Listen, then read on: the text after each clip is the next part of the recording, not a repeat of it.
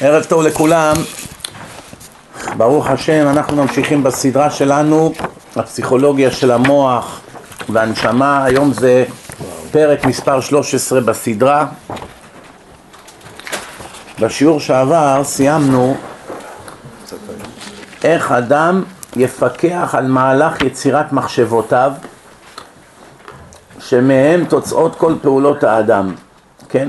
הכל, כל הפעולות של האדם הן תוצאה מהמידות שהכוחות הפנימיים דוחפים את האדם לפעילות.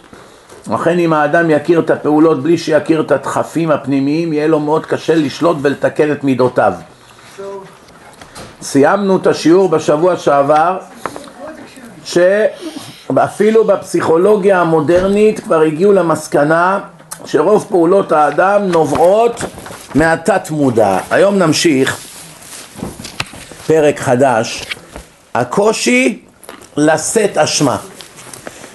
רוב בני האדם בעולם, ברגע שמתקיפים אותם, למה אתה ככה, למה עשית ככה, כמה פעמים אמרנו לך, קשה לו מאוד לאדם לקבל שהוא אשם. עד כדי כך שרוב האנשים חיים בהכחשה. קשה להם.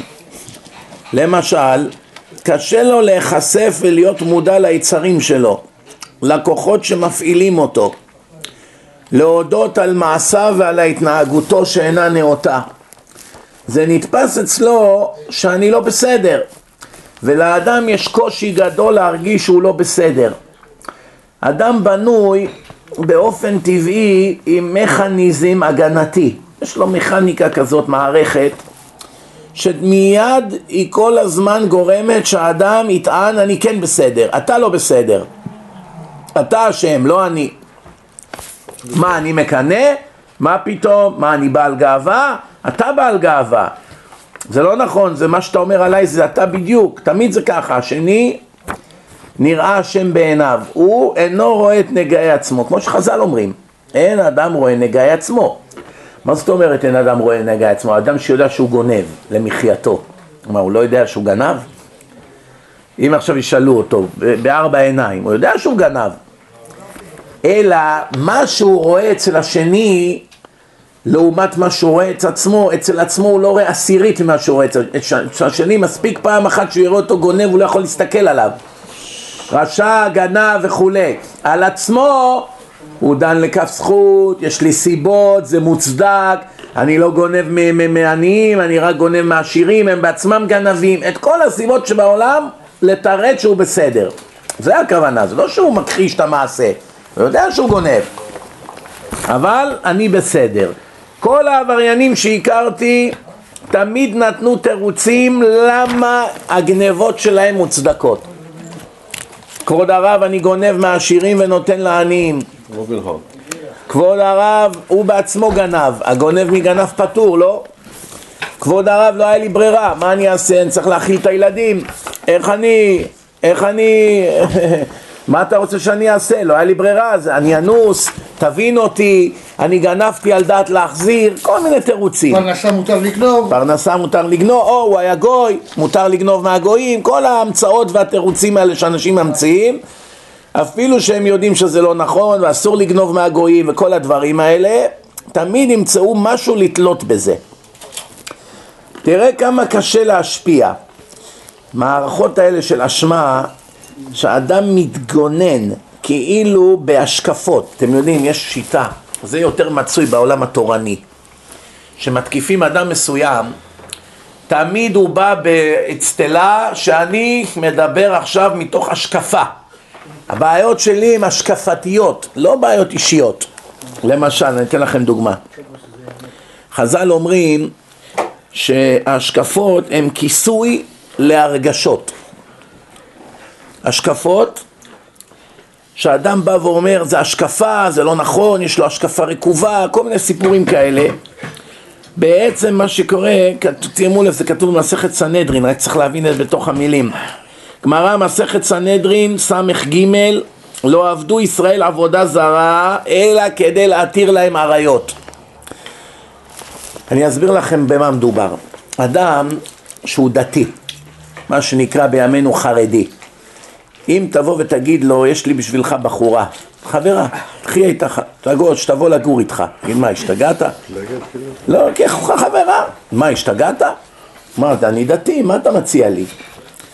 איך אני יכול לעשות כזה דבר? מה, השכונה, ישימו אותי בחרם, איך אני אראה את הפרצוף שלי, איך אני אבוא לבית כנסת? יש לו מיליון תירוצים, נכון? הוא לא אומר אני לא רוצה, אני לא יכול. מה יגידו? אנשים, הורים, שכנים, הרב שלי, הזה, הקהילה, ידברו עליי בכל העיר, חילול השם, הכל אמת.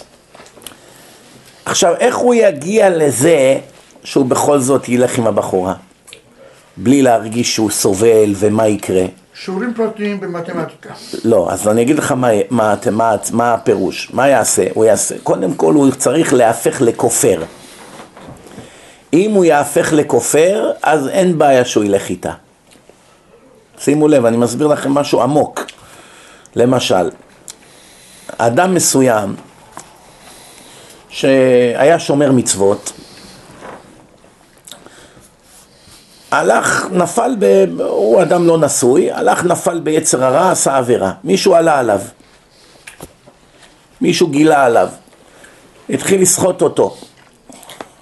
אני יודע עליך, אני זה, אני אפרסם אותך, כל מיני דברים. עכשיו הבן אדם הזה, היה לו שתי אפשרויות. אפשרות אחת לבוא, איך אומרים באנגלית? to come clean. רבותיי, חטאתי, אביתי, פשעתי, אני בן אדם, היה לי רגע של חולשה, נפלתי, אני מאוד מאוד סובל, יש לי איסורי מצפון, אני רוצה לעשות תשובה, תמחלו לי, אל תשפטו אותי, אני סך הכל בן אדם, אני מבטיח לכם שזה לא יקרה שוב, אני עושה תשובה על זה, ואני גוזר על עצמי ככה וככה, יכול להיות שהוא היה יוצא גדול. רוב האנשים אין להם עניין להתנקם ברשעים. מה יש להם? שהרשע יודה וייכנע. ומיד יורד להם כל הכעס. רוב האנשים, לא כולם, יש כאלה עד הסוף רוצים לראות אותך מת. אבל אפילו בתורה כתוב מודה ועוזב ירוחם. רשע עוזב, הוא מודה על החטא ועוזב אותו, כבר יש עליו רחמים, אבל מה, עוד לא תיקן. עצם זה שהוא הפסיק לחטוא והוא הודה שהוא חוטא, כבר יש עליו רחמים, עוד לפני שתיקן. רואים מכאן, כמו שאמרתי לכם בשיעור הראשון בסדרה הזאת, שיטת רבנו יונה, מתייצבים על דרך האמת. רק התייצבת, עוד לא הגעת למטרה. כבר אתה נחשב בעל תשובה, זה מה שכתוב בגמרא, עושים תשובה ונגאלים. מה זה עושים תשובה? הכוונה הם באמצע עכשיו, הם בתהליך, לא עשו תשובה, עושים. אז אותו אחד, היה לו שתי אפשרויות, לבוא ולהודות. רבותיי, חטאתי, אביתי, פשעתי, כך וכך עשיתי, עברתי על חוקי התורה, אני מודה ומתוודה, נפלתי, אני עכשיו עובד על עצמי. היום נותן נאום יפה של כמה דקות, חלק היו אומרים, אה, יצא מזויף, יצא נוכל, יצא, יצא, יצא. רוב האנשים היו אומרים, תשמע, הוא בן אדם, מה? ואם לך את הניסיון הזה, אולי גם אתה היית נופל, והיו מתחילים להגיד, אל תשפוט אדם עד שלא תהיה במקומו וכולי, נכון? וככה זה היה נגמר. או שהייתה לו אפשרות שנייה, אתה רוצה לסחוט אותי? אין בעיה, אני אעשה לך הפוך על הפוך. נהפך בן לילה לכופר. בן לילה. פתאום מצאתי טעויות, חז"ל ממציאים, כל מיני סיפורי סבתא, יש טעויות בתורה, סיפורים. אתמול היית פנאט, פתאום נהיית פנאט לכיוון ההפוך בן לילה, תוך שבוע. למה? הוא לא יודע אפילו, אותו אחד, הוא לא יודע שזה בא לו מהתת מודע. אם עכשיו תחבר אותו למכונת אמת, הוא באמת מאמין עכשיו שהוא מצא סתירו, הכל. אבל הוא לא מבין מה הכוח המניע אותו. הכוח המניע אותו, כיוון שהוא עושה עבירות, ואפילו נגיד חמורות, לפי התורה, והוא לא רוצה להפסיק, קשה לו בלי העבירות. עכשיו הוא חייב למצוא דרך שאני אוכל לעשות עבירות בלי שיגידו לי מה לעשות ובלי להרגיש אשם. והדרך היחידה זה פשוט להיות כופר, וזה מה שכתוב לך פה בגמרא, רבותיי, זה לא חידוש, זה הגמרא אומרת. התחילו לעבוד עבודת אלילים, הם מאמינים בפסלים? איזה, מי הוא זה ואיזה הוא שיאמין כזו שטות, שדור ששמע את השם מדבר אליהם בהר סיני, אחרי כמה ימים ילכו לעבוד עבודה זרה. מה? הגמרא אומרת לך את הסוד הפנימי פה, רבותיי, זה עניינים פסיכולוגיים עמוקים. הגמרא אומרת לך בסנהדרין ס"ג, לא עבדו ישראל עבודה זרה, אלא כדי להתיר להם עריות.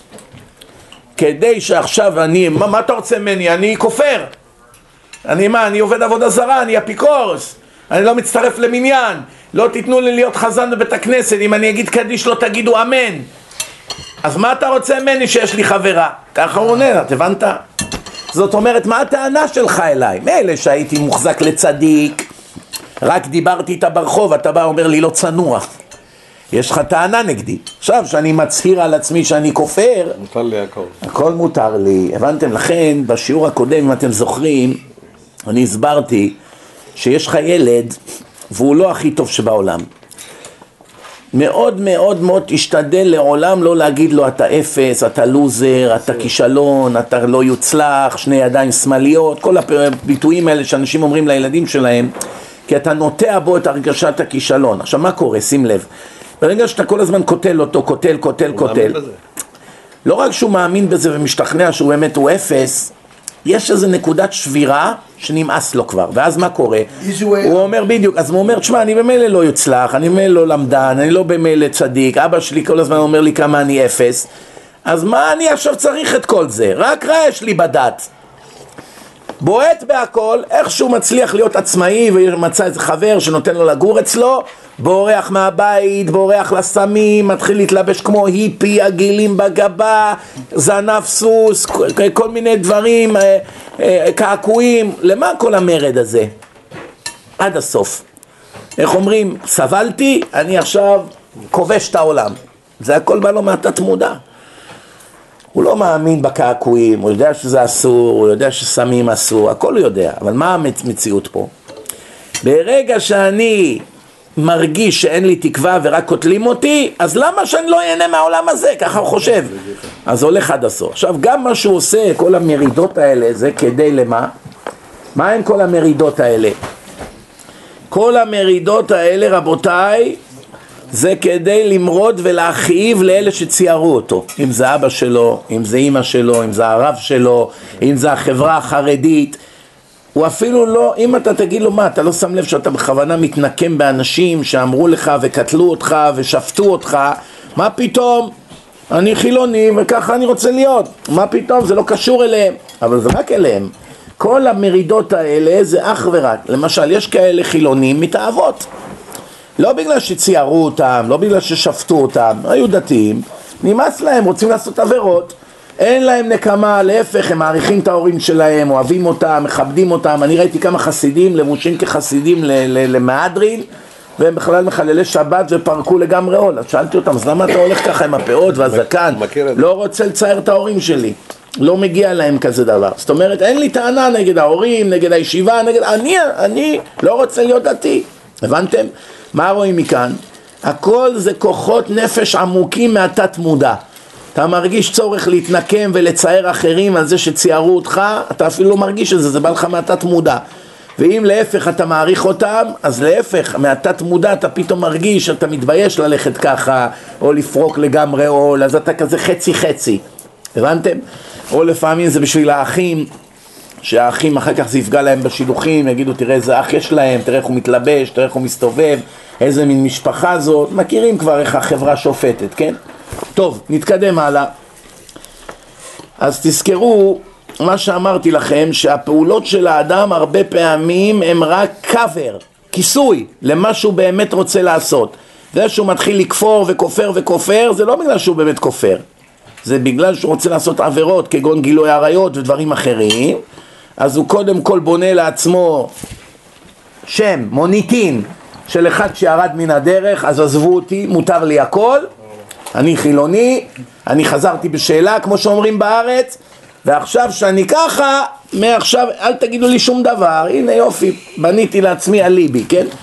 תראה כמה קשה להשפיע. הכל נתפס במערכות של אשמה. שימו לב איך זה עובד. האדם מתגונן בכאילו השקפות. כאילו השקפות, מה אתה רוצה זה השקפה וכולי. אבל כמו שאמרתי, הכל קאבר, כמו שחז"ל אמרו, ותדעו לכם ברמב"ם יש משפט קריטי. תשמעו מה אומר הרמב"ם. השכל שמש לרצון, תזכרו את זה, השכל משמש את הרצון, מה הפירוש רבותיי? השכל יש לך עכשיו שכל, מחשבה, איך לעשות, מה לעשות וכולי, מאיפה זה בא כל זה? קודם כל יש לך רצונות, תאוות. רוצה ללכת לפה, רוצה ללכת לשם, רוצה ללכת להופעה של איזה זמר שאסור ללכת, רוצה ללכת למקום לא צנוע, רוצה ללכת לחוף הים, כל מיני סיפורים. איך אני אצדיק את זה עכשיו, את המעשה? הרי יקטלו אותי בחברה, כן? מה אני עושה? השכל מתחיל עכשיו להיות עורך דין כדי לה, להכשיר את הקרקע שתיישם את הרצונות שלך. לא הפוך כמו שחושבים. יש אנשים חושבים שזה הפוך, הרצון הוא שרת של השכל. הבנתם? זה לא נכון. השכל הוא זה שמייעץ לך איך להגשים את כל התאוות שלך. הלב. תאוות, את החמדה של הלב, את, התאוות, החומר, כן? לכן אדם צריך לדעת, בלי תורה, בלי מוסר, בלי עבודה על המידות, תמיד תיפול שבי, קודם כל יש לך תאוות. אמרתי לכם בשיעור קודם, שיש לך תאוות, סימן שאתה נורמלי. אם, לא, אם היית בא אומר לי, כבוד הרב, אני אין לי תאווה, לא לאוכל, לא לכסף, לא לכבוד, לא לנשים, לא לשום דבר. אז היום, אז מה אתה בדיוק עושה בעולם? אני לא מבין. מה אתה, בשביל מה באת לעולם? אתה מושלם, אתה מלאך, מה? כן? אלא רבותיי, זה שנולדת עם תאוות חומר, סימן שאתה נורמלי. מאה אחוז. רק מה? להגשים את התאוות נגד רצון השם ונגד מה שהתורה אומרת, זה עבירה. אז אתה נהפך לרשע. אבל אם יש לך רק את התאוות לעשות את זה ולא עשית, להפך, אתה גיבור. איך, איך יודעים שאתה גיבור? איזה הוא גיבור? הכובש את יצרו, משמע יש לו יצר. זהו זה, אז אדרבה, הרבה היום בעולם החרדי אפילו יש עיוות נוראי, נוראי. אם יבוא אחד לרב ויגיד לו, אני יש לי תאווה לעשות כך וכך עבירה. תאר לו עכשיו איזו עבירה נוראית. מיד הרב יגיד לאנשים, תזהר מהבן אדם הזה, זה שייגט, זה רשע, זה זה, זו טעות חמורה.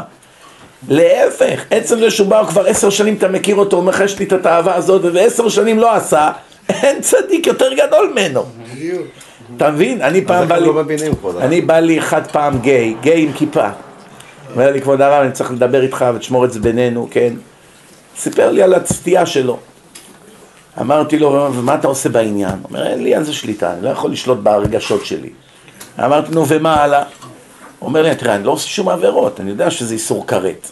אני לא עושה, סובל. אומר לי, אני סובל. זאת אומרת, כל החיים שלו הוא סובל, ולא עושה עבירות. אמרתי לו, אין צדיק יותר גדול ממך, תן לי ברכה. אומר לי, מה, אתה צוחק עליי? אמרתי לו, חס וחלילה. רוב האנשים שיש להם כזאת תאווה, כל שבוע נופלים בפח. אתה כל החיים שלך ככה מחזיק מעמד לא לעשות עבירות בגלל שאתה יודע שזה איסור כרת, יש צדיק יותר ממך? אומרים שהתכלית של האדם שהוא בא לעולם זה לתקן את החולשות שלו, את העיוותים. זה העניין של להתגבר על היצר. נכון. זה העניין של... ברור, מאה אחוז, אבל מה הנקודה? הנקודה שאני מסביר לכם, שהרבה חושבים שהמחשבה והתאוות והטבע שנולדת איתו. הם אוסרות אותך רשע. זה לא נכון. זה נורמלי, לחלוטין. אפילו אם נולדת עם סטייה, זה דבר שהיה לך בעיה בגלגול שעבר, ונולדת עם הסטייה הזאת מחדש. שהיא סוטה מגדר הטבע. זה שאתה נולד, אתה רואה את זה מגיל קטן, ילדים קטנים כבר יש להם את הסטייה הזאת, אתה רואה שהם לא בוחרים, זה כבר הם נולדו עם זה, מגיל קטן, משחק עם הילדות, הוא לא מתקשר, אתה רואה שכבר יש לו את הבעיה הזאת עוד איכשהו בא לעולם, יש כאלה בחרו בזה בגלגול הזה, אבל יש כאלה נולדו ככה, אין על זה ספק, מגיל קטן כבר, הם לפני שהם הבינו מה העולם, כבר, זה כבר מגיל קטן, לבוא ולטעון שהם בחרו בזה והם רוצים את זה, זה קצת הגזמה, אז לכן מה קורה פה? עצם זה שהבן אדם נולד אפילו עם סטייה, אפילו עם מחשבה מעוותת, אפילו עם תאוות מעוותות, אפילו תגיד הבן אדם יש לו תאוות של פדופיליה, תאוות, אני יודע מה, של בעלי חיים, כל מיני דברים הכי משוקצים שיש בעולם, בעצם זה שהיראת שמיים שיש לו, הוא לא הלך אחר התאוות שלו, להפך, אדם כזה זה אחד שהתגבר על יצרו, אפילו שהיצרים שלו הם ממש בגדר סטייה. אבל הם הולכים אחרי התאוות. אז אלה שהולכים הם נהפכים לרשעים, אז זה אני, אלה ודאי רשעים. רוב האנשים לצערנו הרב איזה נופלים, הוא גיבור? הכובש את יצרו. ממשמע מי שלא כובש את יצרו הוא חלש, לא גיבור, כן? טוב, נתקדם הלאה. תשמעו טוב. אה, יש מאמר בחז"ל הפוסל במומו פוסל. עכשיו, אני פעם שאלתי שאלה, לפני הרבה שנים, מה זאת אומרת הפוסל במומו פוסל? אחד שהוא שומר שבת, איזה רב גדול, והוא נותן דרשה על מחללי שבת. תתביישו לכם, מחלל שבת מות יומת, אז מה זה אומר? בגלל שהוא פוסל אותם שהם כמו גויים, כמו שכתוב בגמרא, זאת אומרת שהוא גם מחלל שבת? מה זה הפוסל? הוא פוסל אותם על זה שהם מחלל שבת, הם לא יכולים להצטרף למניין, הם באים אליו לבית הכנסת, הוא לא נותן להם עלייה, אז הוא פסל אותם, נכון? פסל אותם מלהשתתף במניין, להחשיב אותם כאחד מעשרה, פסל אותם לעניין עלייה, פסל אותם לעניין שידוך. אז אומרים לו, כבוד הרב, למה אתה פוסל אותם? כתוב, הפוסל במומו פוסל. אם אתה פוסל אותם, סימן שאתה כמותם. נכון? ככה יוצא מזה. נכון. חס וחלילה, מה פתאום? אז אם ככה תגיד שגם משה רבנו היה לו את כל העבירות שבעולם. למה? כי הרי הוא דיבר נגד זה, ונגד עובדי עבודה זרה, ונגד קורח ועדתו, אז תגיד, כל מה שאתה פסלת, אתה בעצמך פוסל במומו פוסל. אז גמרת את כל התורה, אז אם ככה יש שקר בתורה, כי בתורה כתוב שמשה צדיק וענב מכל אדם, נכון? והוא מש... ובאו אליו, אמרו לו למה תתנשאו אתה ואהרון וכולי, כל מיני דברים כאלה, אז מה תגיד שזה אמת? אלא מה הכוונה הפוסל במומו פוסל? שאדם נהיה אובססי, שימו לב, אני מסביר לכם את זה לעומק, שאדם נהיה אובססי בדבר מסוים, רק על זה הוא מדבר, כל הזמן, רק על זה, כל הזמן זה, זה, זה, זה, רק על זה. עכשיו יש חשש סביר שהוא בעצמו פסול בנושא הזה. למה? למה? אדם שמדבר על כל סוגי העבירות שבתורה, פעם על זה ופעם על זה ופעם על זה, אז הוא מלמד שיעורי מוסר, הוא מדבר על כל הרע שאנשים עושים. זה לא ראייה שהאדם הוא פסול בתחומים האלה, זה לא ראייה. אבל אדם, אדם שהוא רק על זה מדבר. כל שיעור רק על זה, כל דבר רק על זה, רק על זה, רק על זה, רק על זה. למשל, כמו שנתתי דוגמה בשבוע שעבר, שמעתי שזה אחד כעס עליי. הוא חושב שאני ממציא דברים מדעתי. אני, אני מביא לו סדרה מגדול הפסיכולוגים החרדים שהיה בדורנו. הכל אמת, כבוד הרב, אל תקשיב לאף אחד. שלא רק זה גם, שכל אחד מגדולי הדור התייעץ איתו, הרב שך ואחרים, והבאתי ראיה מי היו רבותיו, גדולי הרבנים האשכנזיים בדור היו רבותיו, הוא למד אצל הרבנים הכי גדולים, והוא גם שימש את הרבנים הכי גדולים. זאת אומרת, הבן אדם הזה כל חייו בעולם התורה, והוא גם היה פסיכולוג מספר אחד, שאפילו שופטים חילונים בבית משפט התחשבו בדעתו אם לשחרר אסירים או לא, עד כדי כך הוא היה גדול, מבחינת הנפש וכולי. אז הוא אמר פה, אם אתם זוכרים, באחד השיעורים הקודמים, דוקטור גולדשטיין? לא, הרב שלמה הופמן קוראים לו. הופמן, לא. אתם שומעים? הוא אמר באחד השיעורים שיותר מדי לדבר עם חוטאים על תיקון הברית זה לא טוב. אם אתה כל הזמן מדבר איתם על זרע לבטלה, זרע לבטלה, תיקון הברית, תיקונים, תיקונים, תיקונים, מה קורה? אתה מעורר אצלם בתת מודע יצר מחדש לחזור לעבירות. אתה לא צריך לדבר על זה יותר מדי, פשוט מאוד תגיד שזה עבירה חמורה, אסור לעשות את זה, יש על זה עונש קשה, ועכשיו תתמקד איך מתקנים, מה פירוש? לא תתגלגל בשלג, תצום, תלבש שק, תהרוג את עצמך, כל היום תחשוב על איך היית, לא, זה לא השיטה, א', אתה נשבר, וב', אתה כל הזמן תחזור לעבירות במחשבה, אז מה זה, מה עשית בזה? הרהורי עבירה קשים מן העבירה, כתוב. אלא מה? איך מתקנים כזה דבר? תלמד תורה. תתרכז בהרבה לימוד, תלמד גמרא בעיון, זה יישר לך את כל המוח, זה ינקה לך את כל המחשבות. הרי הרמב"ם בעצמו אמר שההרהורים של עריות באים בלב שפנוי מן החוכמה. מי שלא לומד, נכניס לו כל הזמן הרהורים של נשים. אם הוא לומד ורציני והראש שלו מלא בתורה, א', התורה הורגת את היצר הרע, זה א', היא ממעטת מאוד מאוד את התאווה הזאת, אין לאדם רצון ללכת לכיוון הזה, וגם זה מסיח את דעתו מהרהורי עבירה. זה מה שאני אמרתי. אז מה אותו אחד אמר? התקשר לזה מישהו, אל תשים יותר דרשות שלו. מה אתה שם דרשות שלו? אסור לשמוע אותו. למה אסור לשמוע אותי? כי אני אמרתי לו את העצה הכי נכונה שיכולה להיות על ידי אדם שמתעסק עם ציבור 80 שנה. האמת כואבת. מה העצה? מה העצה? אז בדרך כלל שקיימים כאלה אנשים, בדרך כלל מה שמניע אותם זה קנאה, זה האמת. אבל, אבל גם אם הייתה כאן טענה, קודם כל יש לך טענה, אתה צריך לפנות לדרשן. בדיוק. אדוני הדרשן, אמרת בדרשה פלונית אלמונית, כזה דבר, לא מקובל עליי. אני למדתי כך וכך, כתוב כך וכך. מתחיל ויכוח הלכתי, כמו שני בני אדם, לא ישר בא, קוטל, כמו בשכונה, כמו המאפיונרים. אם תדבר איתו אני אירה בך. מה זה הדברים האלה? דו-שיח.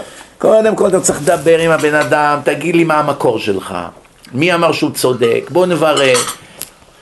יכול להיות שבסופו של דבר הטענה של הבן אדם תהיה צודקת, גם זה היה. לא, לא תמיד אנשים זה רק מקנאה, לפעמים זו טענה צודקת. אתה מתרגש מאחד כזה? אני לא מתרגש מאף אחד, מזמן הפסקתי להתרגש, אני רק אומר לך לתרץ את הפסיכולוגיה של בני האדם.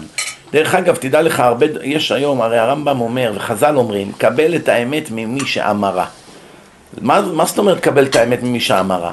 אם יש לך עכשיו רב גדול שאמר משהו, או איזה מחבל של החמאס שאמר את אותו דבר, מבחינת האמת, משהו השתנה? זו אותה אמת הרי, נכון? עכשיו, אם יש לי רב לצטט, או מחבל, ודאי שאני אצטט את הרב, כן? אבל אם אין לי רב, אף אחד לא אמר, המחבל אמר משהו, והוא צודק. עכשיו, יש כאלה אנשים, בגלל שמחבל אמר את זה, עכשיו הם יתכחשו לאמת ויילחמו בה כאילו שהיא שקר. ביודעין, הם בתוכם יודעים שזה אמת מה שהוא אמר. הם בעצמם אמרו את זה מאה פעמים כבר עד היום. אבל כיוון שזה יצא מהפה של הרוצח הטמא הזה, הם עכשיו ימסרו נפש כדי להגיד שזה הכל טעות ושקר. זאת אומרת, האמת היא אף פעם לא עומדת לנגד עיניהם. הם סך הכל פוליטיקאים עלובים. אצלם זה רק מעניין מי אמר, חבר שלי או אויב שלי. חבר שלי, כל מה שהוא אומר אני חותם. אפילו יגיד לעבוד עבודה זרה, אני חותם. אויב שלי, מה אכפת לי יקרא פסוקים מהתורה, אני קוטל אותו. זה רוב האנשים דרך אגב. זה מגיע עד רבנים אפילו.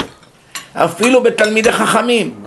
אתה אומר לו, כבוד הרב, שמעתי דבר תורה נפלא. אתה אומר לו, הוא מבסוט, ככה מהנהן בראש, בסוף שואל אותך, מי אמר לך את זה? אתה אומר לו, זה מישהו שהוא שונא? מה? מה אתה מקשיב לו וזה? זה גם לא נכון מה שאמרת. לפני רגע היית מתמוגג. אותו דבר הפוך. למשל, אני פעם היה לי מורה בישיבה, שהוא גאון ענק. אין אחד אריה כמוהו בלימוד. לא, לא פסיק פומה מגירסה לדקה. הוא לא מפסיק שנייה לדבר בדברי תורה. כל היום שלו בתורה, כל הזמן הראש שלו, בזמן שהוא נוהג, אתה לא יודע, הוא גם לא יודע לאן הוא נוהג, הראש שלו לא מפסיק לחשוב בתורה. פעם אחת הקשיתי לו קושייה בגמרא, שראיתי אותה ברב עובדיה במאור ישראל. רק לא אמרתי לו שזה מהרב עובדיה. אז הוא הסתכל עליי ככה עם מבט כזה מזלזל. אומר לי, מה? מה השטויות האלה? מי אמר לך את השטות הזאת? אמר לו, כך וכך, ואני מביא לו וזה וזה, והוא קוטל אותי, לא מתייחס בכלל. קמתי באמצע השיעור, הלכתי, הבאתי את הספר, פתחתי לו, הראיתי לו ברב עובדיה הזה. הסתכל ככה, אז הוא שינה את הגישה, הסתכל, טוב, נו, זו דעתו. אני לא דעתי כך. אבל הוא כבר הפסיק לזלזל. הבנתם? עכשיו, תראה, שים לב. אם אני הייתי אומר לו מלכתחילה בשיעור, ראיתי ברב עובדיה כך וכך, הוא לא היה עושה ככה עם היד. אה, הוא יותר גדול ממנו בתורה, אז הוא היה מכבד. אבל לך, תלמיד כמוני, בתחילת דרכו, אני מדבר לכם מעל, אני יודע כמה, עשרים ומשהו שנה אחורה, אז מי הוא עכשיו נותן לי קושיות פה על התוספות וזה, אתה מבין? אז זה המציאות של העולם.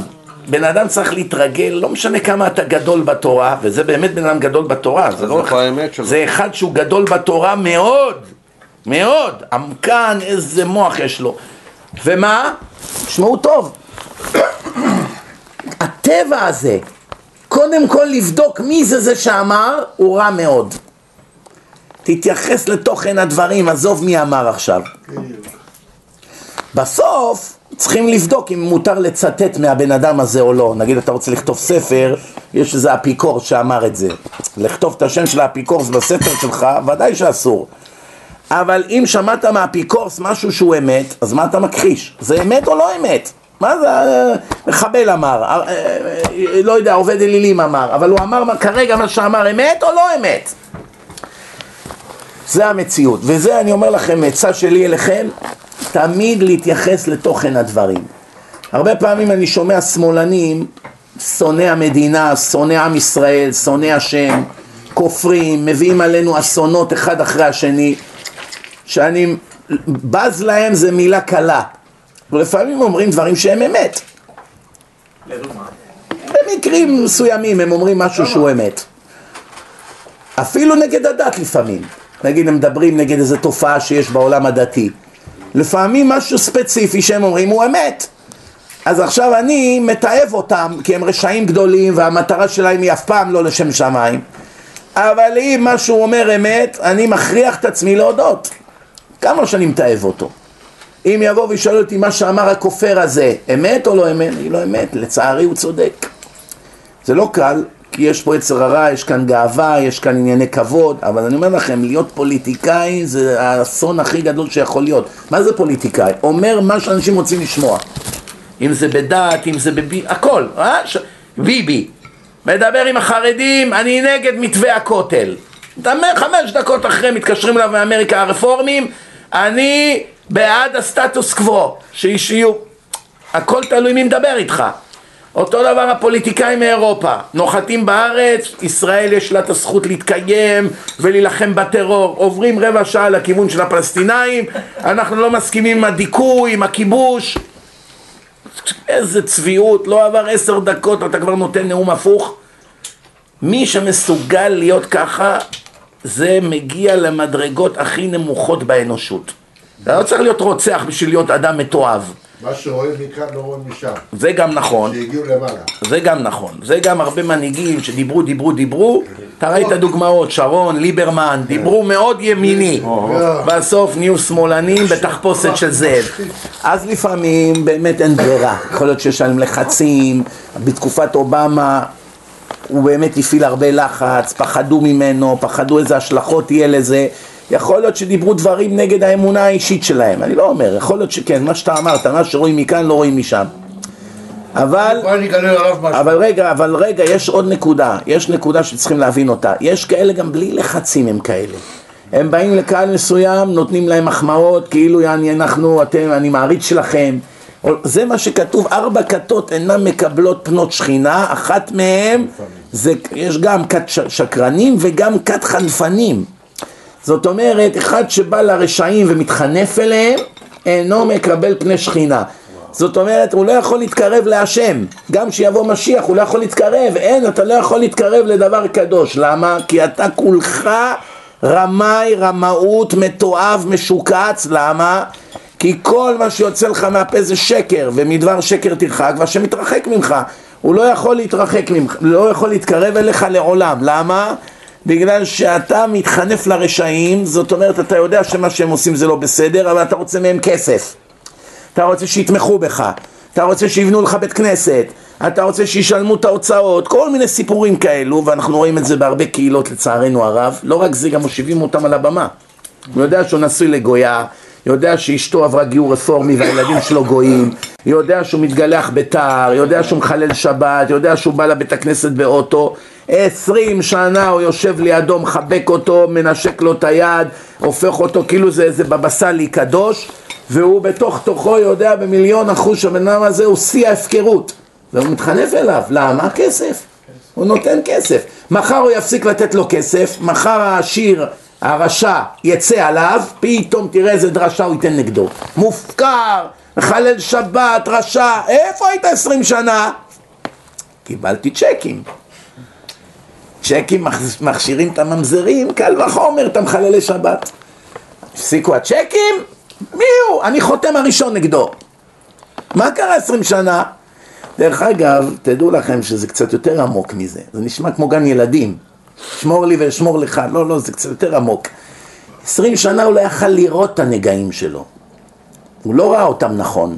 כי כתוב בתורה, זה פסוק בתורה, זה לא אני. תורה אומרת ששוחד יעוור עיני חכמים ויסלף דברי צדיקים. מה פירוש שוחד יעוור עיני חכמים? לא כתוב שאתה תראה שהוא אשם ותצדיק אותו. לא. כתוב, השוחד יעוור אותך שאתה לא תראה שהוא אשם.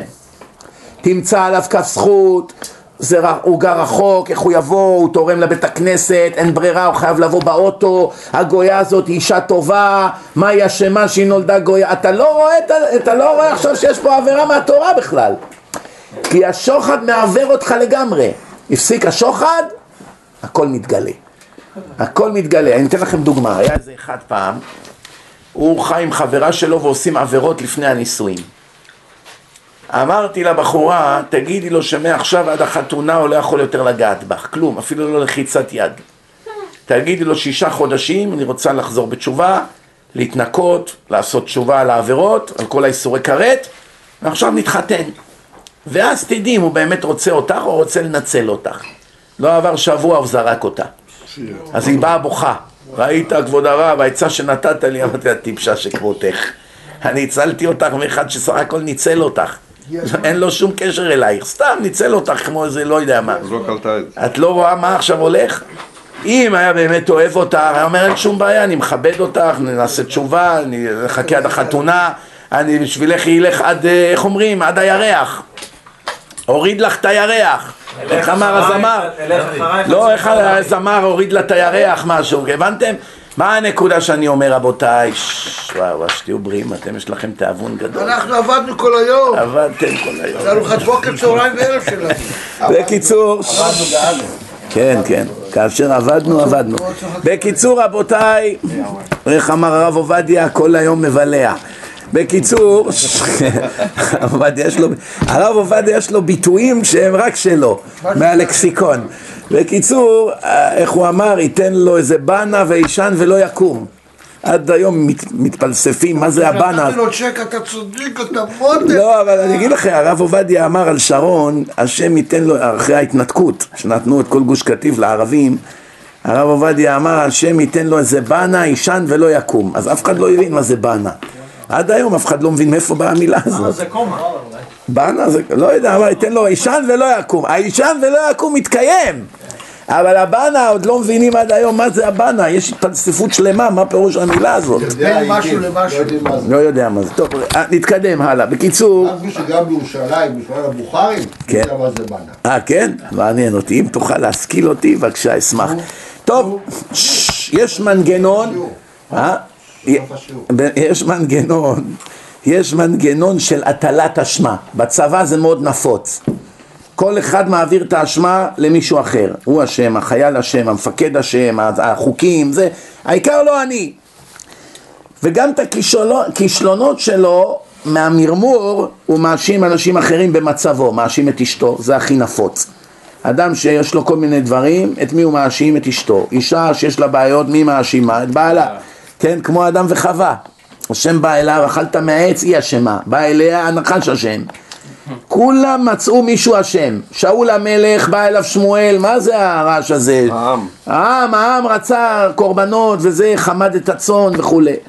זאת אומרת, בודדים הם האנשים שמיד קיבלו על עצמם אחריות. כמו דוד המלך, הוא בא אליו עם משל כבשת הרש, אומר לו, אתה האיש, חטאתי להשם." להשם וכולי, כן? אותו דבר שבאו למלך חזקיהו, גם אמר לו הנביא ישעיה, אתה עומד למות, לא התחתנת וזה. אז הוא אמר לו מיד, אני, איך אני אביא ילד לעולם? אני רואה ברוח הקודש שהוא יהיה רשע, אני, אני אלך נגד השם? ירבעם. זה לא תפקיד שלך, היית צריך, הבן שלו מנשה, היית צריך, היית צריך לא לעשות חשבונות שמיים, להתחתן, פרו ורבו זה נוגע גם אליך, מיד! הוא. הסתובב, כן, הסתובב לקיר, מיד התחיל להתפלל, תתפלל עליי, תבקש מהשם, שימחל לי, תן לי את הבת שלך לאישה. באמת התחתן עם הבת שלו, ונולד המנשה הזה, ושישים שנה העמיד אלילים, ובסוף חזר בתשובה. והגמרא מסתפקת אם יש לו עולם הבא או לא.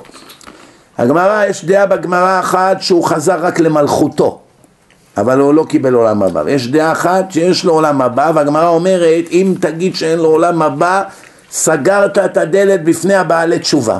כי הרי יש לנו כלל בידינו, אין דבר העומד בפני התשובה. אפילו עבירות חמורות מאוד, כגון אשת איש, אחד שזנה עם אשת איש, או דברים כאלה, אפילו זה, אף על פי שקשה מאוד לתקן את זה, בכל זאת אפשר לעשות על זה תשובה. במיוחד בדור הזה, דור כזה אבוד ויתום, אז הקדוש ברוך הוא לוקח בחשבון את המצב הרוחני הירוד, כן? מנגנון של השלכה, הטלת אשמה, זה מנגנון שפועל בבלתי מודע. זה בא מהתת מודע. שהאדם מדחיק את הבעיות שלו ואת הכישלונות שלו, ובמקום לראות את זה אצל עצמו, הוא מטיל את זה על אחרים, ורואה את המציאות במשקפיים שהוא קובע. וכך זה מקל עליו את קושי נשיאת האשמה שהוא לא בסדר. למה? הרי אני כן בסדר, זה הוא. תראה, הוא ככה, והוא ככה, והוא ככה. הבנתם?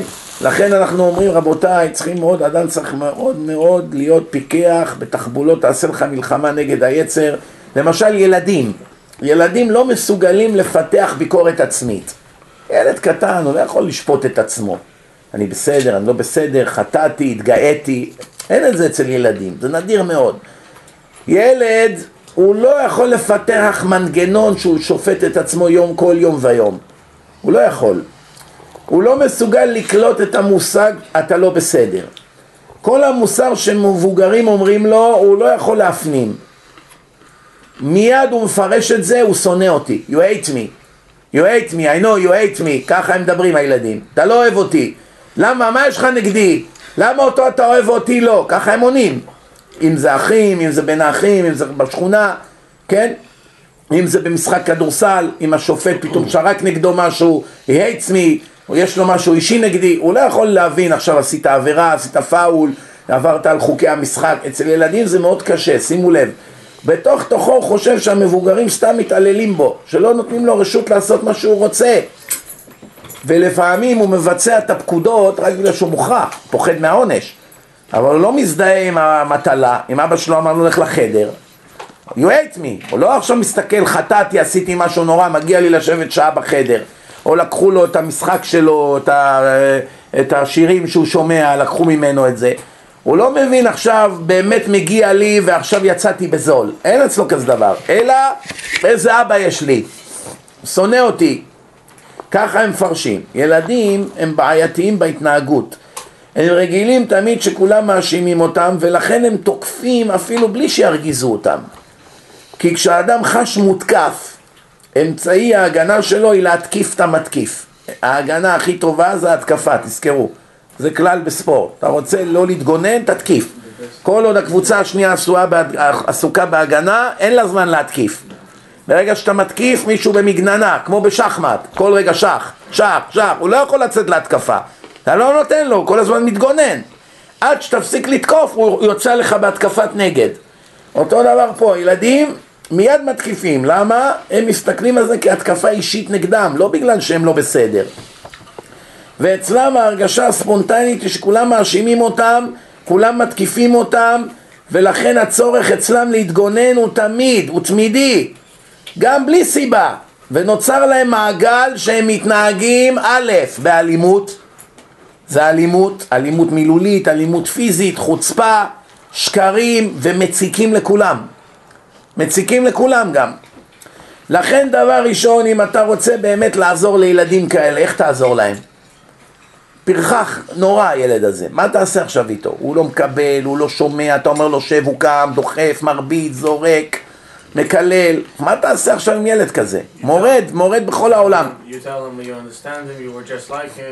אז בואו נראה מה העצה של גדול הפסיכולוגים, תראו מה הוא אומר. הוא אומר, הדבר הראשון, אם אתה באמת רוצה לעזור לילדים האלו, קודם כל, עצם ההבנה שאתה מבין את הגורמים שמהתת מודע גורמים להם לשקר, עצם זה שאתה לא תשפוט אותם כמו כל העולם שרגיל לשפוט אותם, שהם לא בסדר, ותשדר להם שאתה דווקא כן מבין אותם. אני מבין אותך, אני מסכים איתך, אני הייתי כמוך, כל מיני משפטים כאלה, קודם כל קונה את הילד, את הלב שלו אתה קונה. עכשיו, אומר, אני מבין למה שיקרת, אני מבין, אם אני הייתי במקומך גם אני הייתי עושה, כשהייתי בגילך גם אני עשיתי. לאט לאט אתה קונה אותם, אם אתה נותן לו איזה סוכריה, בוא נלך נאכל פיצה, אל תתייחס, עזוב, הוא, הוא באמת הגזים, אני איתך, אל תדאג, אני אעזור לך. קודם כל קנית את ליבו. ברגע שקנית את ליבו, קל מאוד לתמרן אותו. קל מאוד. דבר נוסף, המבוגר, הורה, מחנך וכולי, צריך להתרגל לא להאשים את הילד, לא לקרוא לו מושחת, לא להגיד לו אתה ילד רע, אלא להבין, להבין, לנסות להבין מה הם הגורמים מהתת מודע שגורמים לו ככה להגיב. איך אפשר לעזור לו להתקדם במקום להאשים, לא יוצא כלום מהאשמות, רק המצב מחמיר. לחפש עצה איך לפתור, הילד במצב כזה הוא יהיה מופתע, כי הוא רגיל שכולם קוטלים אותו. פתאום בא אחד שבאמת אכפת לו ממנו, אז זה כבר התקדמות אדירה בשבילו. וואו, יש אחד שאוהב אותי, ככה הוא מסתכל על זה. עונש שנותנים כבר, יש לך ילד שאתה צריך לתת לו עונש, אין מה לעשות, זה חינוך. שנותנים ענישה זה חייב להתבצע ללא כעס, ללא צעקות, ללא פנים אדומות, ללא דפיקה על השולחן, ללא כל ההצגות האלה. זה רק יחמיר את המצב. אתה צריך להיות שקול וקר ולדבר אליו ולהסביר לו למה אתה נותן לו את העונש הזה ולא תוך כדי שנאה וכולי. שהוא יבין שהעונש הוא כלי לעזרה ולא אשמה. ואתה לא שופט אותו, אלא אתה מנסה לעזור לו. אני חייב לתת לך את זה, כי אם אני לא אתן לך את זה, מחר זה יהיה הרבה יותר גרוע, אתה תצטער. לטובתך כדאי, כדאי לך, תשמע בקולי, לטובתך כדאי לך ככה. אתה משכנע אותו. ולפעמים תתפלא, הוא גם יודע, אוקיי, בסדר, אבל, אבל לא שעה, חצי שעה. הבנת? זאת אומרת, הוא כבר הסכים. וכולי. אז זאת אומרת, יש פה גישה שונה איך, מתנח... איך אתה מתייחס אליו. דרך אגב, מי שיעשה את זה איזה שבוע, שבועיים, לא יהיה לו בעיות יותר עם הילדים. הם לא יהיה נעים להם לפגוע בך. אפילו אם הם לא מסכימים עם מה שאתה אומר להם, הם יעשו את זה. אני אמרתי, הלכתי איזה פעם לסעודת ראש חודש באיזה בית של איזה עשיר אחד, הוא עשה סעודת ראש חודש לנשים, ואמרו לי, יש איזה אב ובן שרוצים לבוא במיוחד לדבר איתך. אמרתי להם, אם לכם לא אכפת, שיבואו. זה היה בצהריים, זה היה יום ראשון בצהריים, פה יום ראשון אנשים בחופש. הוא בא עם הבן שלו. מה מסתבר? הבן הזה יש לו חברה גויה רציני. האבא רועד, האבא בעל תשובה, אמריקאי, הוא רועד שהבן לא התחתן עם הגויה, אז הביא אותו אליי. תפסתי את הבן בצד, דיברנו, הסברתי לו כמה זה חמור וכולי. בסוף, שומעים? בסוף הבן אמר לי, אל תדאג, אתה כל הזמן אומר להתחתן, להתחתן, אין שום סיכוי שאני אתחתן עם הגויה. אמרתי לו, עזוב, הרבה דיברו ככה וכבר נפלו בזה וזה. אומר לי, לא, לא, אין שום סיכוי. אמרתי לו, למה? אומר לי, אני לא, לא מסוגל לעשות את זה לאבא שלי. עכשיו, ילד חילוני. האבא בעל תשובה אמריקאי. אמרתי לו, למה? הנה, אתה יוצא עם גויה, אתה כן עושה את זה לאבא שלך. הוא אומר, כל עוד אני לא אתחתן איתה, זה בסדר, הוא לא עד כדי כך נשבר. אבל אם אני באמת אתחתן איתה, אני אהרוג אותו. ככה הוא אמר. ואני לא אעשה את זה לאבא שלי. אמרתי לו, למה? הייתי סקרן. אומר לי, מה זה, אבא שלי בן אדם הכי טוב שבעולם. אנחנו חברים הכי טובים, הוא עזר לי, הוא טוב אליי, הוא אף פעם לא פגע בי, דיבר בשבחו. בקיצור, מה ראית מפה? שהוא באמת כן רוצה להתחתן עם הגויה.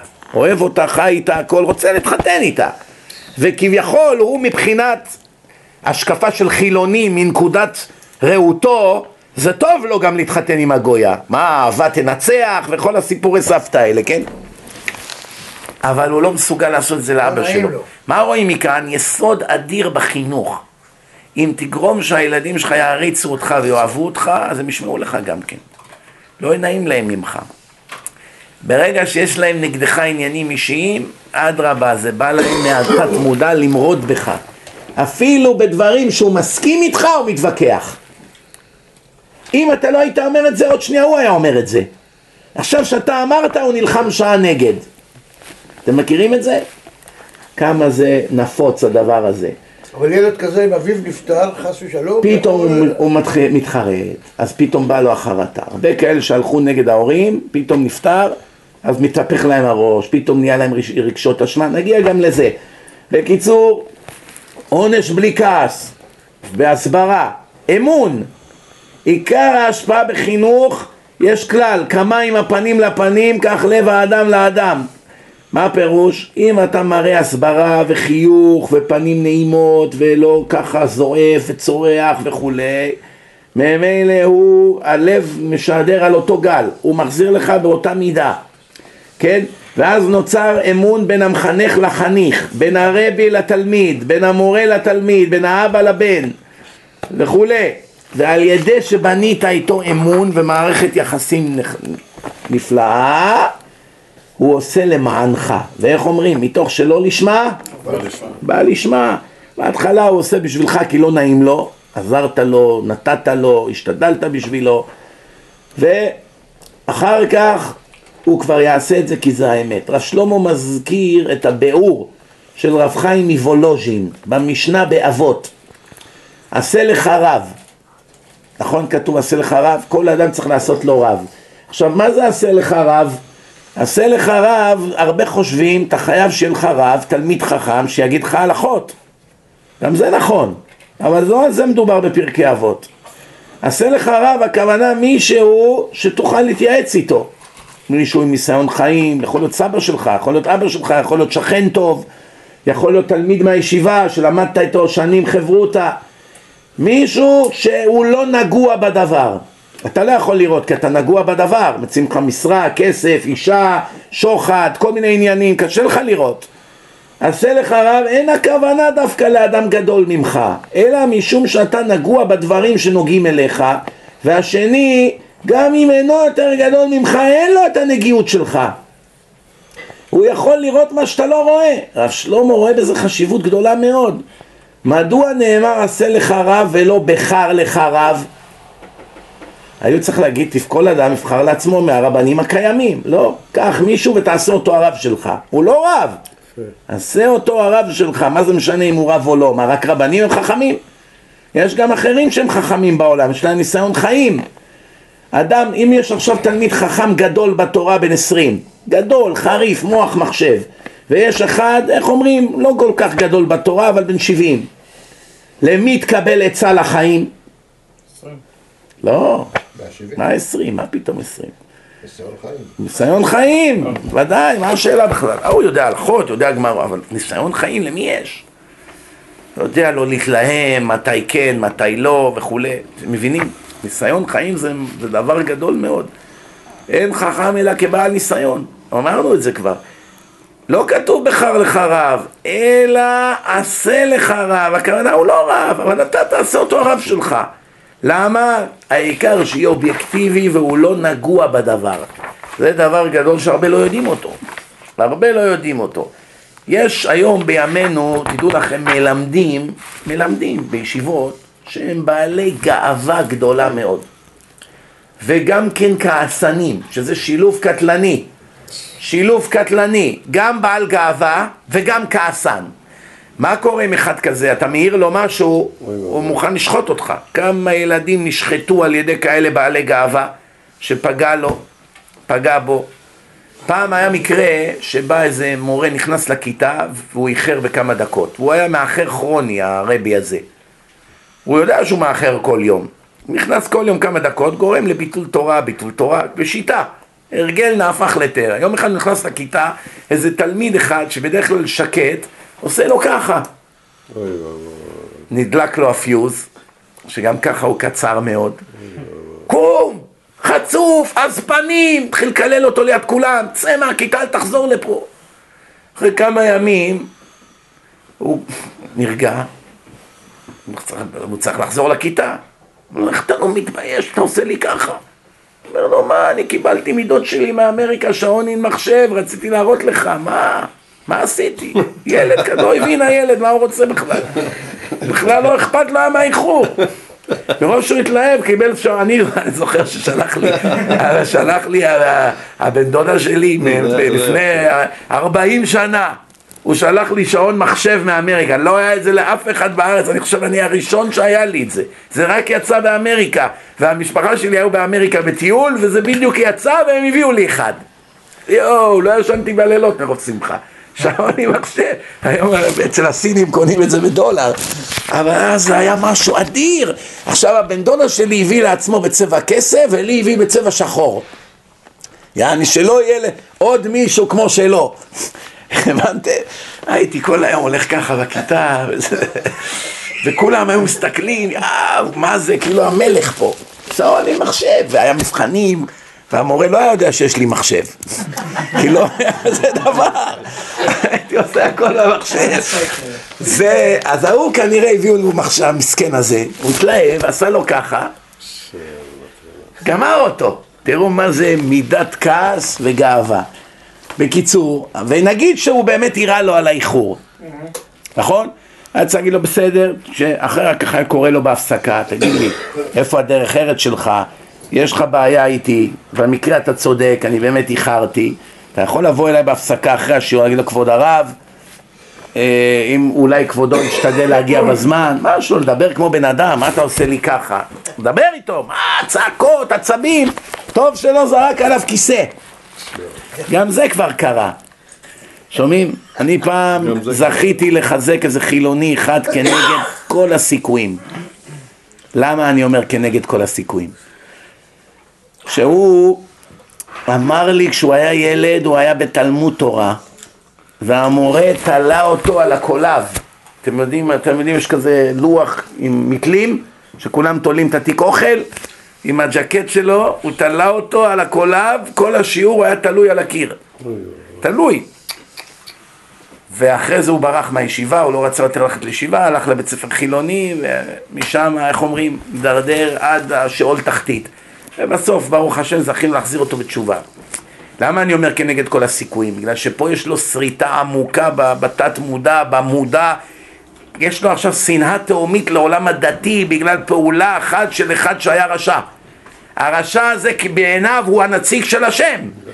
אם הוא ככה מתנהג, זה השם, ככה הוא מפרש את זה. בודדים הם האנשים שהם רואים חרדי מתנהג לא כשורה, הם עוד יותר מתחזקים להיות דתיים. אני לא אהיה כמוהו. אלה הגיבורים הכי גדולים. בדרך כלל ישר מתרצים את זה כתירוץ, גם אני, עזוב, כולם ככה. כל הדת זה בלוף. למה הדת זה בלוף? בגלל שראית איזה רשע שניים? או עשר, עשרים? בסדר, יש רשעים, מאז ומעולם היה רשעים.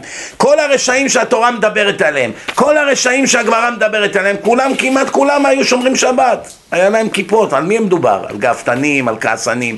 מה, היה מחללי שבת פעם? עד לפני 200 שנה תנועת ההשכלה, מי ידע מה זה מחלל שבת בכלל?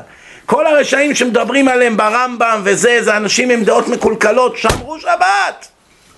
כמו שהסברתי לכם על רבני האוניברסיטה שיש פה באמריקה. רבני האוניברסיטה, דעות מקולקלות מהיסוד, אידיאולוגיה רקובה, אבל שומרים שבת, אוכלים כשר, אני יודע מה, אוכלים. אוכלים או יו, אוכלים אוקיי. לא שהוא לא אוכל חזיר, נכון או לא? מסתובב עם כיפה, חלק יש להם גם זקן, אפילו כובע שחור בשבת או בתפילות.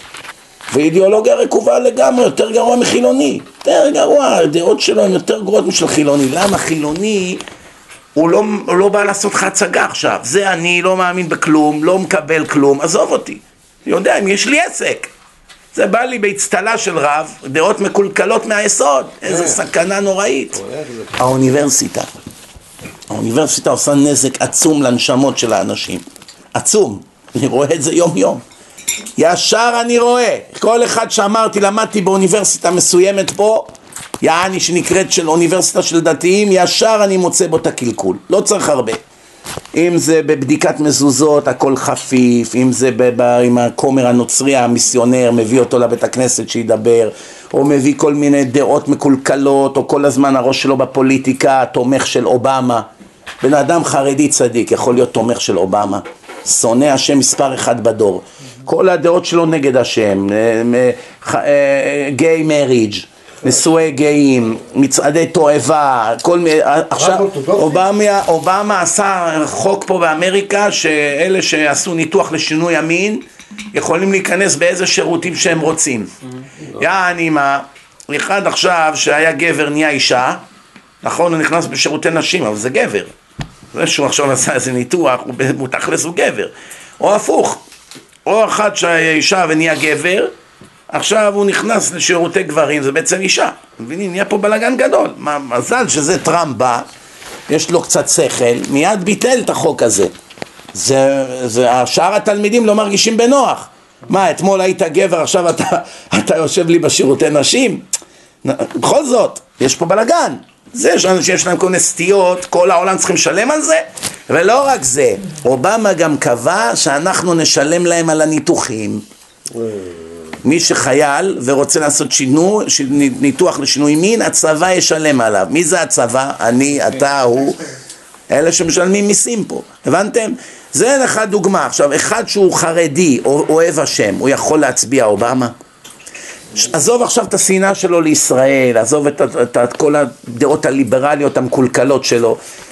אתה יודע, בן אדם שונא ישראל, נתן לך את הסכין בלב רגע לפני שעזבת משרד, כל הזמן תמך במחבלים, הקים את איראן על הרגליים, רק רע הוא עשה. איך יכול להיות שאתה קורא לעצמך חרדי? זה דוגמה לרבני אוניברסיטה. הבנתם? רב, רב אוניברסיטה, אין לו שום בעיה שישבו לו בכיתה כל הגאים, אין לו בכלל בעיה. בכלל הוא לא מתעב את המעשים שלהם בכלל. העיקר הוא לומד כאילו שזה לימוד באוניברסיטה. כשהוא לומד רמב"ם, מבחינתו הוא לומד זיגמונד פרויד. זה לא משנה לו בכלל, אני אומר לכם, זה ככה זה. זה דעות מקולקלות, אתם לא מבינים, אתם יום אחד תבינו על מה אני מדבר. אני מבין אותך, הרב. השם ירחם. טוב, התחושה שאני קיבלתי מרב שלמה, תשמעו טוב, תשמעו טוב מה הוא אומר פה. רגע, שהפער בין אדם טוב לאדם לא טוב. מה ההבדל בין אדם טוב לאדם לא טוב, ואנחנו מסיימים תכף. נעשה הרבה טוב כן, מה, מה, מה הפער בין אדם טוב לאדם לא טוב? מי יודע? אדם שלמד לקחת אחריות על עצמו או לא. זה הפער. כי כל בני האדם יש בהם טוב ורע. אדם שלמד לקבל אחריות על מעשיו, אני אשם, חטאתי, אביתי, פשעתי, מודה ועוזב ירוחם. כשאתה מסתכל על הבן אדם, כשאתה מבקר אותו, אתה לא מסתכל בהילוך אחורי מה עשית, אלא בהילוך קדמי. מה אתה יכול להתקדם? תמיד כשאתה בא לבן אדם, אל תקטול אותו על כל מה שהוא עשה עד עכשיו ותעזוב אותו. זה הכי גרוע שיכול להיות. תגיד לו, יש דרך אחרת. אם תעשה כך וכך וכך, תראה שתצליח יותר. לא כדאי לגנוב בביזנס. בסוף מפסידים.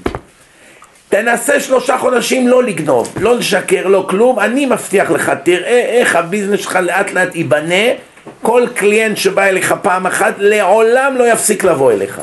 הוא יראה שאתה ישר, והכל אתה מראה לו, הנה החלפתי לך זה, הנה החלק, וככה עלה לי, וזה, אתה יודע כמה, אמנם בהתחלה יראה שאתה מרוויח פחות, כי אין כבר את הרמאויות וכולי וכולי, אבל כל client שבא יקבל כזה ביטחון, תראה איזה שירות, תראה איך הוא מראה לי, תראה באמת הוא מראה לי מה הבעיה. ואז לא רק שהוא יבוא כל החיים, הוא מביא לך עוד שלושה ארבעה חברים. אני יש לי חבר אחד, יפת שלמוני, סיפרתי עליו פעם, יש לו אה, אה, מוסך ברלף אבניו בברוקלין. אני במו עיניי ראיתי כזה דבר. בא איזה זקן גוי, אולי בן 70 ומשהו היה, בא עם האוטו שלו בשיא החום. היה קיץ, אני, היו מסדרים את האוטו שלי והייתי יושב שם בספסל, לומד. פתאום בא הגוי הזה, אומר לו, הלך לי הקרבורטור של המז... אה, המנוע של המזגן, קומפרסור, קומפרסור, קומפרסור זה מאות דולרים, לא יודע, זה שמונה מאות דולר רק החלק, זה כל המזגן, זה הקומפרסור. אומר לו, כמה זה? אומר לו, אם זה קומפרסור, אוטו כזה, כך וכך יעלה. טוב, תחזיר, תחזור עוד שעתיים. אחרי שעתיים ההוא חזר, אני מסתכל, אומר לו כמה, מסודר? אומר האוטו שלך עובד כמו חדש, קח, הנה המפתחות. אומר לו כמה? אומר לו כלום, זה היה פיוז. עכשיו הגוי אמר לו תחליף קומפרסור. יעני, אני ראש קטן, אני לא אמרתי לך שזה קומפרסור. אתה אמרת לי קומפרסור, החלפתי, מה אתה רוצה, נכון? ישר מאה אחוז. מדאורייתא ישר. אין כאן גזל גוי, אין הונאה, אין כלום. הלך עם הגוי לפנים משורת הדין. אומר לו, למה אתה אומר קומפרסור? זה היה פיוז. וואו. ראיתי את הפנים של הזקן הזה, הוא כמעט התעלף. אומר לו, really? אומר, טוב, תן לי לפחות לשלם לך על הפיוז. אומר, מה זה פיוז? דולר? on the house, אומר לו. לצערו, הוא כבר היה רגל בקבר, אבל תאר לך שעה בן שלושים ארבעים שנה הוא היה ברק אליו, הוא בחיים לא היה מסכים ללכת למישהו אחר. בקיצור, במקום להגיד לו, לא יצא לך כלום מהגנבות, זה ילך לך על מחלות וזה, זה גם דרך. אבל אתה יכול לבנות אצלו רצון טוב, תגיד לו, תשמע, אני אומר לך, תראה שמלשמוע בקול השם לא מפסידים. חודש, חודשיים, שנה, ייראה כאילו אתה מרוויח פחות, אבל לטווח רחוק תראה שתרוויח פי כמה וכמה וכמה, והנה הזה שיהיה בריא, יש לו שם, אחד לא אמר נגדו מילה, הוא רימה אותי, גנב אותי, גזל אותי, תחמן אותי, אין כזה דבר. יש אחד פה בנדל"ן, תתפלאו, אפילו לא דתי. עכשיו הוא הרבה יותר מסורתי ממה שהוא היה פעם, פעם הוא היה לגמרי כופר. אבל הוא הכי ישר. באו אליי כמה אנשים, אומרים לי, אני רוצה לעבוד במשרד נדל"ן. אמרתי להם, אני מכיר את כל הבעלי משרדים, והרבה מהם הם בעלי תשובה שלי. והוא הכי ישר מכולם. לא שאחרים לא ישרים, אולי גם הם ישרים. אבל הוא הכי ישר מכולם. איך אתה יודע? אני מכיר אותו אישית. אישית. אומרים לי, כן, אומר, כן, הוא בחיים לא יגנוב ממך. אה, יש לו קיבוץ, הוא היה קיבוצניק, הוא קיבל כאלה ערכים בקיבוץ, לימדו אותו בנושא הזה, וככה הטבע שלו. לא גונב, הוא לארג', משלם, לא מתווכח. ומי ששלחתי אותו אליו, כולם התעשרו. הוא לא גזל אותם, לא רימה אותם, אף פעם לא רב עם אנשים. לא רב עם אנשים על כסף. אני בעצמי ראיתי פעם אחת, מישהו מכר לו אדמה, והמישהו הזה פתאום הבין שהוא הפסיד קצת מהכיס, אחרי שהמכירה הייתה סגורה. כל עבר, הבעלות, הכל. הוא התקשר, דיבר איתו בנושא אחר, אומר לו, אתה יודע מה, האדמה שמכרתי לך, לא עשיתי חשבון נכון, בסוד לא הפסקתי מהכיס. אמר לו, כמה הפסדת? אומר לו, חמשת אלפים מהכיס. אומר לו, אני שולח לך עכשיו צ'ק, אל תדאג. וואו. הוא שווה מעל 100 מיליון דולר היום. בזכות ולא בחסד. והאחרים, עם כל הפולישטיק שלהם, לא שווים רבע ממנו. למה השם עזר לו? כי הוא ישר. אני אמרתי לו פעם, אמרתי לו, תדע לך, הזכות שלך בחיים, אם משהו יציל אותך ביום הדין, זה היושר שלך. כי יש אנשים כבר שאומרים שבת, זקנים, פרצופים, תפילות, תיקונים, גלגולי שלג, כל היום מחשבות, אבן. איך תחמן אותו, גונב את ההוא, זה יעלה לך ככה וככה וזה זה, זה made in זה, זה לא מצ'יינה, כל היום בלבולים ותחמונים. יושר... הם לא מבינים לבד שהם משחקים עם אלוקים. אבל כתוב מפורש, מי יעלה בהר השם, נקי כפיים ובר לבב, הם זה לא כתוב מפורש. זה, איך הם לא חייבים בקונפליקט? כולם יודעים את זה, אבל היצר הרע משכנע את הבן אדם. בואו נסיים במשפט חיובי. מרגלה בפומיה של רבי שלמה, מורגל בפיו, יראת השם תוסיף ימים. מי שיש לו יראת שמיים זה מוסיף לו ימים. מה פירוש מוסיף לו ימים? הוא יחיה חיים יותר ארוכים? בואו נראה. רב שלמה היה מביא את דברי הגר"א. מי זה הגר"א? הגאון רבי אליהו מווילנה. על הפסוק הנ"ל. הוא מבאר את דבריו. כשהאדם מפחד הוא נהיה חולה. אדם שחי בפחדים, כל הזמן הוא בפחדים, הוא נהיה חולה. כשהאדם מפחד עולה לו לחץ הדם, נכון? אוקיי, יש לו סטרס, כל מיני, יכול לקבל התקף לב מהלחץ. זה מקצר לו את הימים. אז איך כתוב בתורה יראת השם תוסיף ימים? מי שחי בפחד כל הזמן, מה יעשו לי, מה יהיה לי, וואו, נכשלתי, טעיתי, וואו, וואו, וואו, כל הזמן הוא חי בפחד, אז זה מקצר לו את החיים, נכון? אבל מה נעשה שכתוב הפוך? עם פסוק אי אפשר להתווכח. עם פסוק אי אפשר להתווכח. תשמעו מה כתוב, תראו מה אומר הגאון מווילנה. יראת השם זה לא פחד. וואו, השם ינחית עליי מכה, וואו, אני אמות ממחלה, וואו, יקרה לי ככה, וואו, אני לא אמצא שידוך. לא. יראת השם זה יראה שמוסיפה לך שנים. שהופכת אותך לאדם יותר שלו, יותר בעל ביטחון, יותר רגוע, לא חי בפחדים ופרנויה, לא, לא, לא, לא. אומר רב שלמה, אם זה לא מוסיף ימים, זה לא יראת שמיים אמיתית. זה לא יראה, אולי זה יראה מן העונש, אבל זה לא יראת שמיים, אין פה יראת הרוממות. הגר"א אומר, יראה שאינה כשאר היראות והפחדים. יראת השם, אם היא לא מוסיפה לך שנים ולא הופכת אותך לאדם שלו ורגוע, משהו ביראה הזאת הוא לא כשר. אתה אגואיסט, מפחד רק ממה יקרה לך ביום הדין. אבל אין לך באמת כבוד, יראת כבוד להשם, מה פתאום? אם היה לך יראה אמיתית להשם, קודם כל לא היית חושב על העונש בכלל, כי לא היית מגיע למצב כזה. כי כמו שנתתי לכם דוגמה מילד שמעריץ מישהו, אם עכשיו הבבא סאלי היה אומר לך, אני צריך עכשיו שתקנה לי איזה משהו, החנותיס, שעה הליכה עכשיו, בקור הזה. היה יושב פה עכשיו עליו השלום הבבא סאלי, אומר, יא אבני, לך תביא לי בשבילי מבית כך וכך איזה משהו. איך היית רץ כמו אריה? קור, חום, לא אכפת לך בכלל. כמו אריה היית רץ, נותן את הספרינט של חייך. למה? כי אדם שאתה מעריך ומעריך ולוקח ממנו כדמות קדושה וכולי, אתה מוכן למות בשבילו. אם היית צריך לתת חייך בשבילו, היית אומר, כבוד הרב, עזוב, אני אתנדב. תשאר אתה תלמד תורה, נכון? למה? כשאדם שאתה מעריך אותו ומעריץ אותו, אתה מוכן ללכת רחוק מאוד בשבילו. אם אתה מעריך ומעריץ את השם, מה אתה עכשיו תחשוב על עונשים בכלל? איך אני לא אצייר את השם? מה העונש עכשיו? אחד כזה גם אם השם היה אומר לו הנה קח תעודה, פטור. קח, הנה כרטיס, אתה פטור מעונש. קח כרטיס, אתה פטור מעונש. לך לא מגיע. אתם שומעים? ישר עושה לי ככה. אתם שומעים? בקיצור, הוא אומר, קח כרטיס, אתה פטור מהעונש. מה, עדיין הוא רוצה להיות צדיק. מה שייך עונש לא עונש? כמו שהרמב"ם אומר, הפחד מהעונש זה לנשים ולילדים. שהם עדיין לא במדרגת תורה גבוהה כדי להבין מה זה השם. אבל אם אין לך את זה, בעזרת השם, איך תצא, איך, טוב, אנחנו סיימנו להיום, אני רק רוצה לתת לכם קצת אה, על השבוע הבא, אנחנו מתקרבים, יש לנו עוד שניים, עוד שני שיעורים, אנחנו מסיימים את הסדרה, בעזרת השם. באנגלית אני כבר מסיים בשבוע הבא, בעזרת השם, ופה, אני רואה, לפי מה שאני רואה, יש לנו עוד שני שיעורים. בשבוע הבא נדבר על אם האדם לא יבקר את מעשיו ולא יכיר את טעותו, לעולם הוא לא יוכל לשוב בתשובה ולהתקדם, לעולם. מה זה ביקורת עצמית? מאיזה גיל זה מתחיל? עצות מרב יחזקאל אברמסקי זצ"ל על חלישות הדעת, על שיחות שהיה לו איתו מאוד מאוד מעניינות שנוגעות אל כל אחד ואחד מאיתנו בחיי היום יום על גדולי ישראל איך הם בכו מדברים שאנחנו אפילו לא, לא מבינים כמה זה חמור ועל זה שהוא יום אחד גידל זקן ומה אמר לו הראש ישיבה שלו כשהוא ראה אותו עם זקן הפוך ממה שאתם חושבים דברים מאוד מפתיעים על בכיות שהרב שך בכה אחרי שהוא היה לו שיחה על איזה תלמיד כמה הוא בכה על התלמיד כל מיני דברים מאוד מעניינים שבוע הבא, איך אומרים בארץ? שיעור פצצה. אבל לבוא בזמן.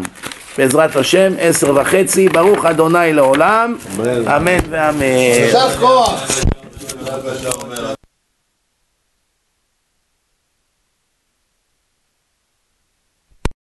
Grazie.